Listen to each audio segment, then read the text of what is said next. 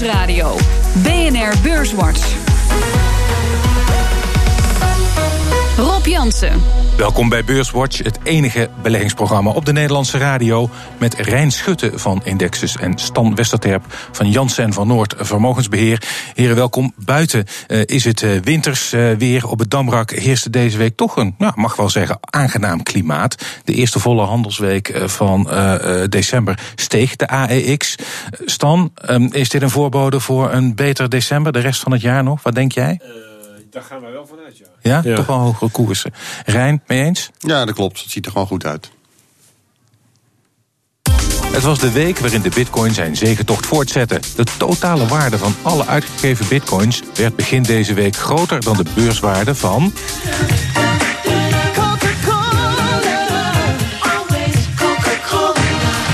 Coca-Cola dus. En inmiddels is de cryptomunt nog eens met 50% gestegen.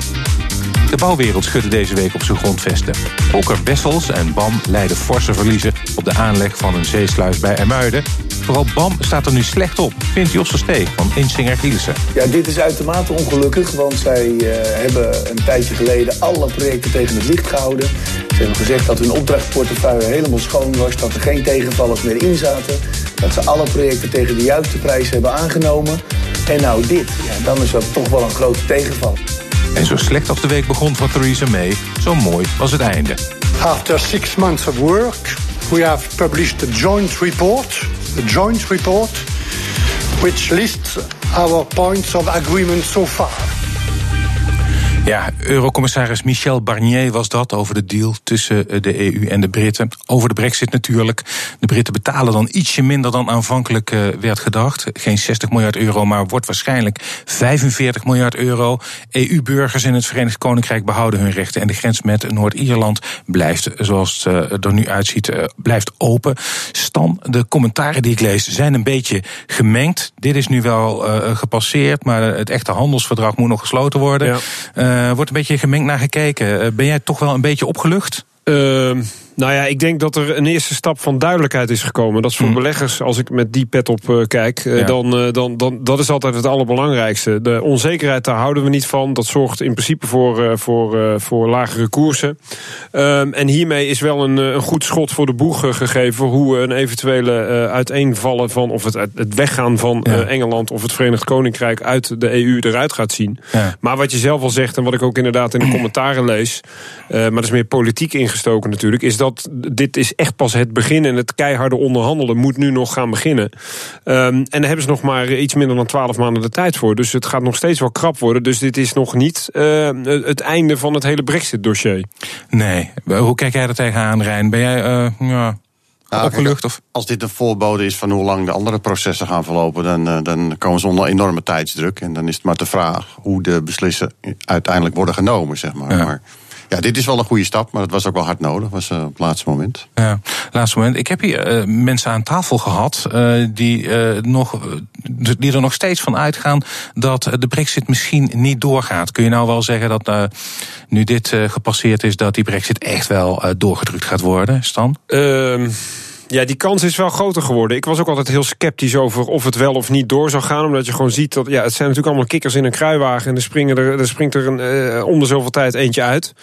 Um, en je hoort nu ook weer, zowel uh, intern in het VK als extern, natuurlijk allerlei negatieve geluiden. De een vindt het veel te veel, de ander vindt het veel te weinig. Um, maar mee is nu wel duidelijk over de lijn die in ieder geval wordt ingezet. Ze zijn bereid om te betalen. Ze zijn bereid om concessies te doen over, over grenzen en over het, het, het ja, het, zeg maar het vrij handelen van, uh, van, van producten en diensten. Um, dus het lijkt erop, uh, zoals het er nu naar uitziet, dat ze er eventueel wel op een normale manier uit kunnen gaan komen. En dat maakt de kans op een brexit denk ik wel een stuk groter dan, dan dat die tot nu toe was. Ja.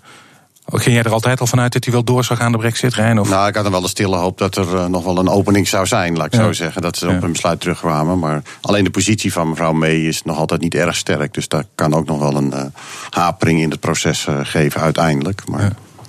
Ja. Um, ook nieuws van vandaag. Het banenrapport uit Amerika zijn in november 228.000 banen bijgekomen. De loongroei bleef achter bij verwachting. Um, Rijn, die achterblijvende loongroei in Amerika, zou dat nog een reden zijn voor de Fed, de Amerikaanse centrale bank, om nog voorzichtiger te zijn met een eventuele renteverhoging volgend jaar? Wat denk jij? Nee, ik ga ervan uit dat het gewoon, uh, wat volgende week gaat gebeuren, dat dat vaststaat. En in principe volgend jaar gaan ze nog op deze voet door met nog drie renteverhogingen waarschijnlijk. En die, oplo ja, die lonen, dat is een wereldwijd fenomeen. Dat zie je eigenlijk nergens terug. Maar dit is een uitstekend scenario. Of eigenlijk goede groei. En die wordt waarschijnlijk nog zelfs iets opgejaagd als die belastingplannen er allemaal door gaan komen. Hmm. En ja, als er dan niet echt inflatie achteraan komt, en die zien we nog steeds niet echt oplopen. Ja, dat is een goed klimaat voor aandelen. Ja, goed klimaat eh, voor aandelen aan de andere kant. Ja olie op het vuur. Misschien die extra die belastingplannen geven nog meer uh, uh, ja, impuls aan de economie. Is dat wel goed? Ja, klopt. Um, alleen we moeten dat ook niet te veel overdrijven. Er is berekend dat het iets van 0,3, 0,4 procent extra GDP zou kunnen opleveren. Dus we praten niet over procenten. Nee, nee. Uh, maar het is wel een, een, een, een, een, ja, een signaal van, van, van kracht natuurlijk. En een signaal dat de winstgevendheid met name bij de midden- en kleinbedrijven in Amerika verder omhoog kan. En dat dus ook de waardering daarvoor eventueel wat verder omhoog zou kunnen. En voor wat betreft het banencijfer, ja, dat was een beetje vertekend omdat het voor uh, de, de maanden hiervoor wat slechter was als gevolg van die orkanen. Hmm. Uh, maar die loongroei, ja, dat is wel heel erg, dat is natuurlijk wel een, een heikel punt. Want dat is rechtstreeks, daar is de inflatie voor een deel van afhankelijk. Ja. Um, en dat krijgen de centrale banken met al het geweld dat we gezien hebben de afgelopen jaren. En dat blijft een herhalend een terugkerend thema. Krijgen ze gewoon niet voor elkaar om die inflatie uh, aan te wakkeren. Ja. En dan ga je toch afvragen, zijn er andere fundamentele oorzaken te vinden die daaraan ten grondslag liggen.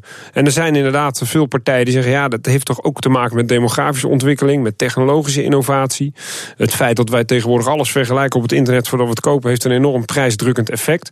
Dus de vraag is of de centrale banken überhaupt nog wel in staat zijn... om met het monetaire beleid zeg maar, de economie en de inflatie eh, te kunnen sturen. Ja, dat is nogal uh, uh, lastig. Wat, wat, er is dus geen redmiddel meer, er is geen sturing meer mogelijk. Uh, ze hebben geen wapens meer, hun arsenaal is verbruikt. Nou, kijk, deze, deze belastingverlaging zal zeg maar, de cyclus waarin de Amerikaanse economie zit wat verlengen. Maar het komt eigenlijk op het moment dat het eigenlijk niet hoeft.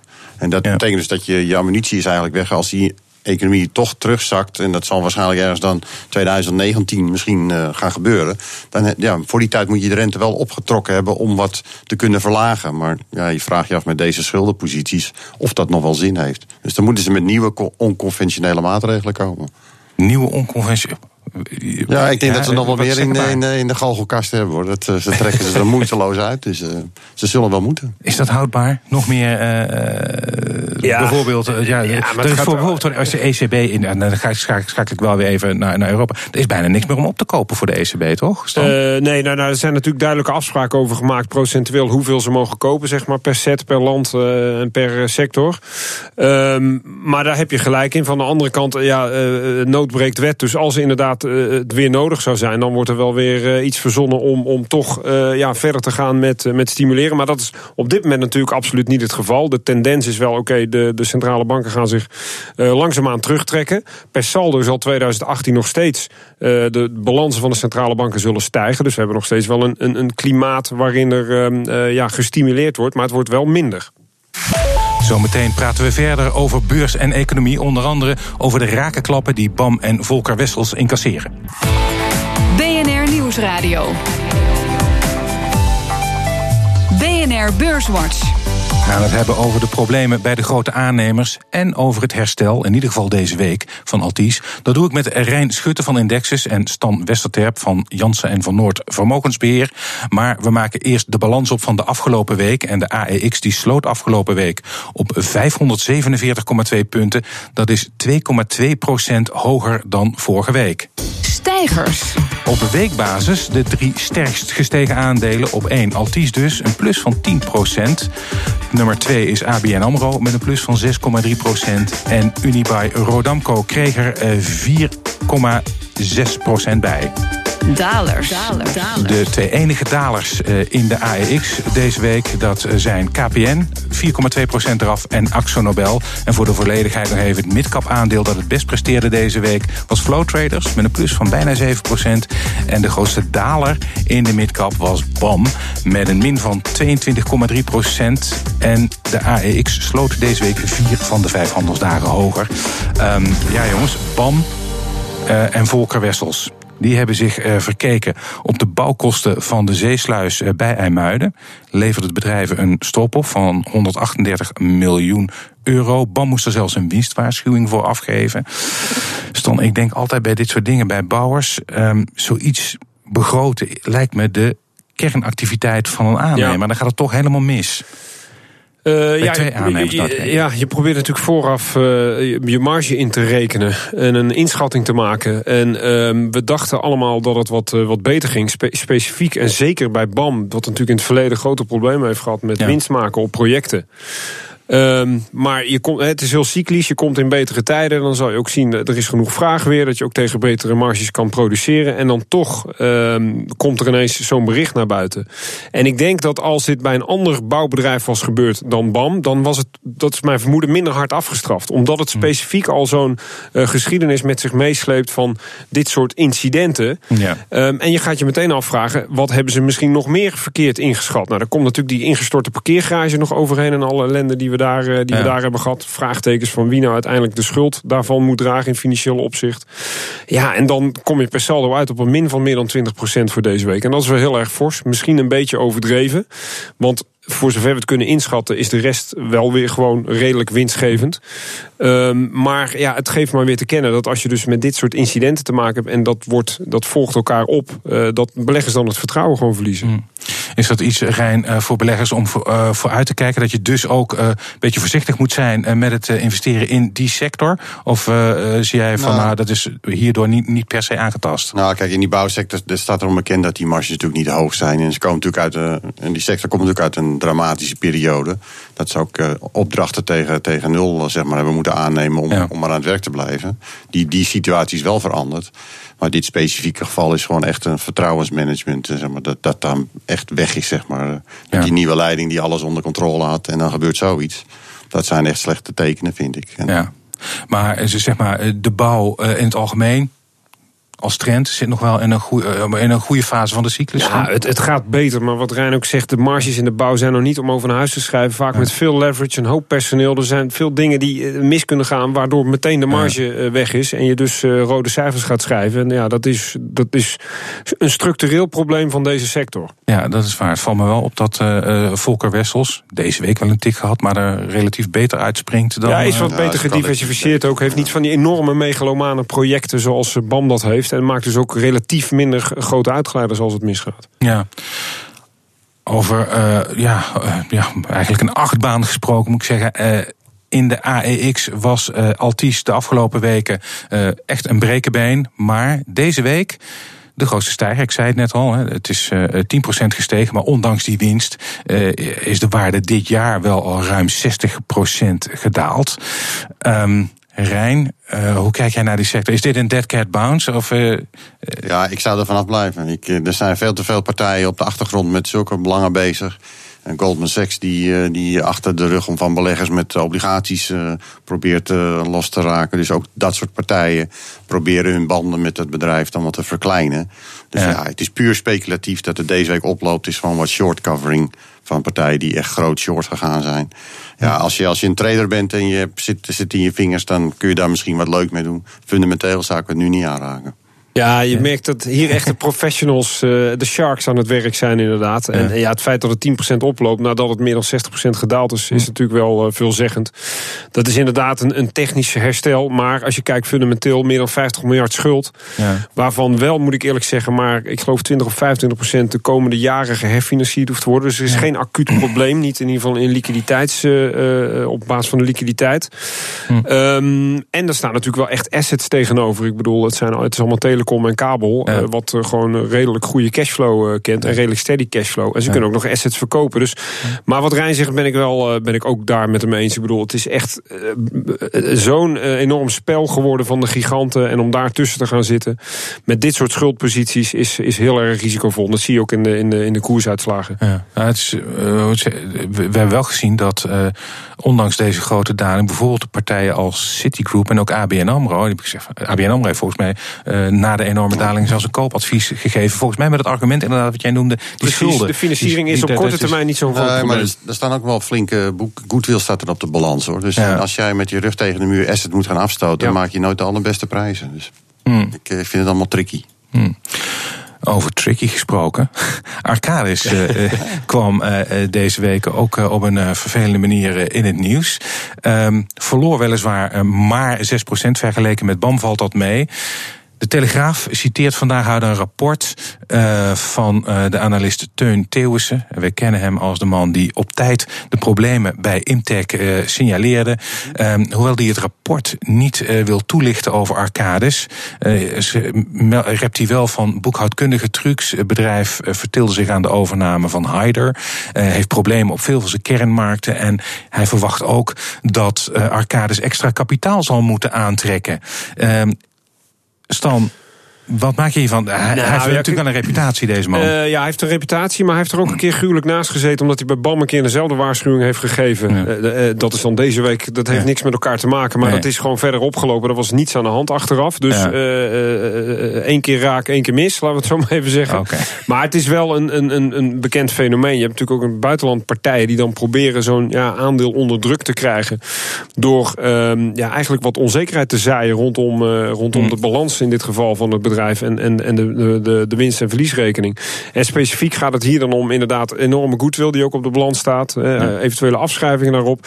En de debiteurenpost die maar aan het oplopen is. Uh, waarbij de vraag is of dat allemaal nog wel te, te innen is. Ik ken het bedrijf inhoudelijk niet goed genoeg om daar een uitspraak over te doen. Mm. Maar je ziet ook hier weer als beleggers dat soort dingen horen van een potentiële aandelenmissie. Dan is het mm. allemaal wegwezen tegen de markt in. En dan valt het nog mee, die min 5, min 6 procent. Maar dan komt dat de markt gewoon vandaag redelijk goed heeft gepresteerd. Of deze week. Ja, zeker. Um, over goed presteren gesproken. We kunnen er niet omheen. De bitcoin. Het zat ook al even in het, in het weekoverzicht. Het is 260 miljard waard. De bitcoins die nu zijn uitgegeven. Hoe meer er tegen die bitcoin wordt gewaarschuwd hoe aantrekkelijker mensen het vinden. De waarschuwingen komen met name van toezichthouders. Uh, maar goed, er gaan ook uh, grote beurzen beginnen met futures. Um, Rijn, um, de meeste mensen hier aan tafel zeggen: niet doen, wegblijven. Ja, kijk, dit is, dit is niet te, te becijferen van wat het, wat het waard is. Dat kan naar 1 dollar gaan, dat kan naar een miljoen gaan, bij wijze van -hmm. spreken. Maar ja, in die futures, dat, dat gaat uh, nog wel wat extra uh, speculatie geven. En ja, ik zou daar voorzichtig mee zijn, maar dat begrijpt iedereen. Maar ik denk dat een heleboel mensen. Ja, hoe, hoe later je op het feestje komt, hoe wilder het wordt, hè, de gasten. Dus dat, dat is nu deze fase en dat kan een tijdje ja. duren. Ik, uh, zeg niet wanneer het ophoudt. Ik zou het echt niet weten. Ja, voor jou ook een uh, tulpenmanie? Ja, ja, ja, absoluut. Ik, ik moest wel denken aan uh, Charlie Munger, de zakenpartner van Warren Buffett. Die had het ja. eerder rattengif genoemd. En toen zei hij, dan druk ik me nog voorzichtig uit. En ik, ik, ik, sluit me daar wel bij aan, ja. ja. Aan de andere kant, um, ja, uh, dat, ik ben met jullie eens. Het is niks. Een bitcoin is een code. Uh, en het is gebaseerd op vertrouwen. Maar het, nou, het is gebaseerd op emotie op dit moment. Pure hebzucht. En dat, dat, is, dat heeft alle dat karakteristieken van, een, van dus een piramidespel... of hoe je het dan ook wil noemen. En ja, dat is gewoon iets... dat heeft ook niks met beleggen te maken. Dat is puur speculeren. En inderdaad zijn mensen die er heel snel heel veel geld aan hebben verdiend... en dan krijg je inderdaad allemaal de meest wilde verhalen. Ja, dan willen mensen daar ook van mee profiteren. Dan krijg je een enorme... ja, nou goed, nogmaals, karakteristieken mm. van een piramidespel. Maar er komt een keer een moment dat dat uh, omdraait. En ook als je hier kijkt naar de uitslagen... naar dan moet je wel, wel stalen zenuwen hebben om, om hierin te zitten. Ja, dat is waar. Betekent dat voor jullie ook van die digitale munten, daar hoor je over tien jaar helemaal niks meer van? Of gaan ze wel een plek veroveren op de een of andere manier, dat ze toch nog een bepaalde functie kunnen hebben? Nou, ik denk wel dat ze wel een functie kunnen hebben. Het gaat nu denk ik meer om de onderliggende technologie die bruikbaar is. Er zullen heel veel munten nu op de markt komen om bepaalde start-ups te financieren, zeg maar. Je moet eigenlijk een beetje vergelijken als in, in de tijden van de internethype, zeg maar. Mm. Nu is het een soort funding voor nieuwe technologische investeringen. Dat was destijds ook en dat eindigde toen in een tranendal. Ja. Maar wellicht dit ook. Er zullen een hele hoop nooit meer terugkomen. Maar... Ja.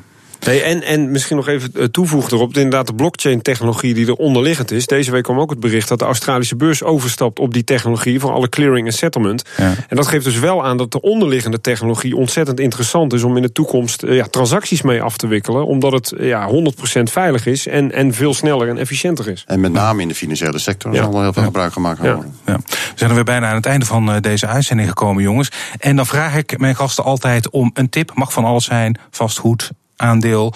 Um, Rijn, wat is jouw tip voor de luisteraar deze week? Ja, ik kies voor flow traders. Omdat dat eigenlijk een, eh, een aandeel is wat zeg maar in wat meer bewegelijke tijden een leuke hedge in je portefeuille kunt zijn. We hebben nu in dit jaar ontzettend weinig beweging gehad. Ik kan me niet voorstellen dat het de komende jaren zo blijft. En hij is nu geprijsd tot 2020 alsof er niks meer gebeurt. Ja. Stan, wat is jouw tip voor de nou, We hebben het er niet over gehad, maar ik denk bankaandelen. Basel ja. 4 zijn de kapitaalseisen worden min of meer zichtbaar. En die zijn toch wat minder streng dan, dan verwacht was. Um, en als je dan ziet dat het dividend waarschijnlijk goed houdbaar is voor bankaandelen... waar je toch bijvoorbeeld met een ABN AMRO meer dan 5% zit... ja, dat, ja. dat krijg je niet op de spaarrekening in ieder geval nee. bij, uh, bij, bij dat soort banken. Dus ik denk dat die nog wel een aardige uh, een rit voor de boeg hebben... mits het rustig blijft op de, ja. op de financiële Ik las wel dat uh, deze regels juist voor Nederlandse banken... omdat die veel hypotheek op de balans hebben... tot 14 miljard extra buffer ja, kunnen maar de verwachting was dat het veel meer zou zijn, inderdaad. En ze hebben tien jaar de tijd om die buffers aan te zuiveren. En bovendien, het moet nog in Brussel allemaal in wet omgezet worden. Dus er komt ook nog een hele lobby natuurlijk op gang... om dat toch weer in te dammen. Dus de, ik denk dat het uitgangspunt helemaal niet zo slecht... dat was ook de reden dat die financials allemaal omhoog gingen ja. op vrijdag. Oké, okay. bankaandelen en flow traders. Daarmee zijn we aan het einde gekomen van deze aflevering van Beurswatch. Ik dank mijn gasten natuurlijk van vandaag... Rijn Schutte van Indexus en Stan Westerterp van Jansen en van Noord Vermogensbeheer. Volgende week is er natuurlijk weer een Beurswatch. Deze uitzending die kunt u naluisteren op de website van BNR of via de BNR-app. Heeft u nog vragen, dan kunt u mailen naar beurswatch.bnr.nl of een tweet sturen naar Rob Dank voor het luisteren.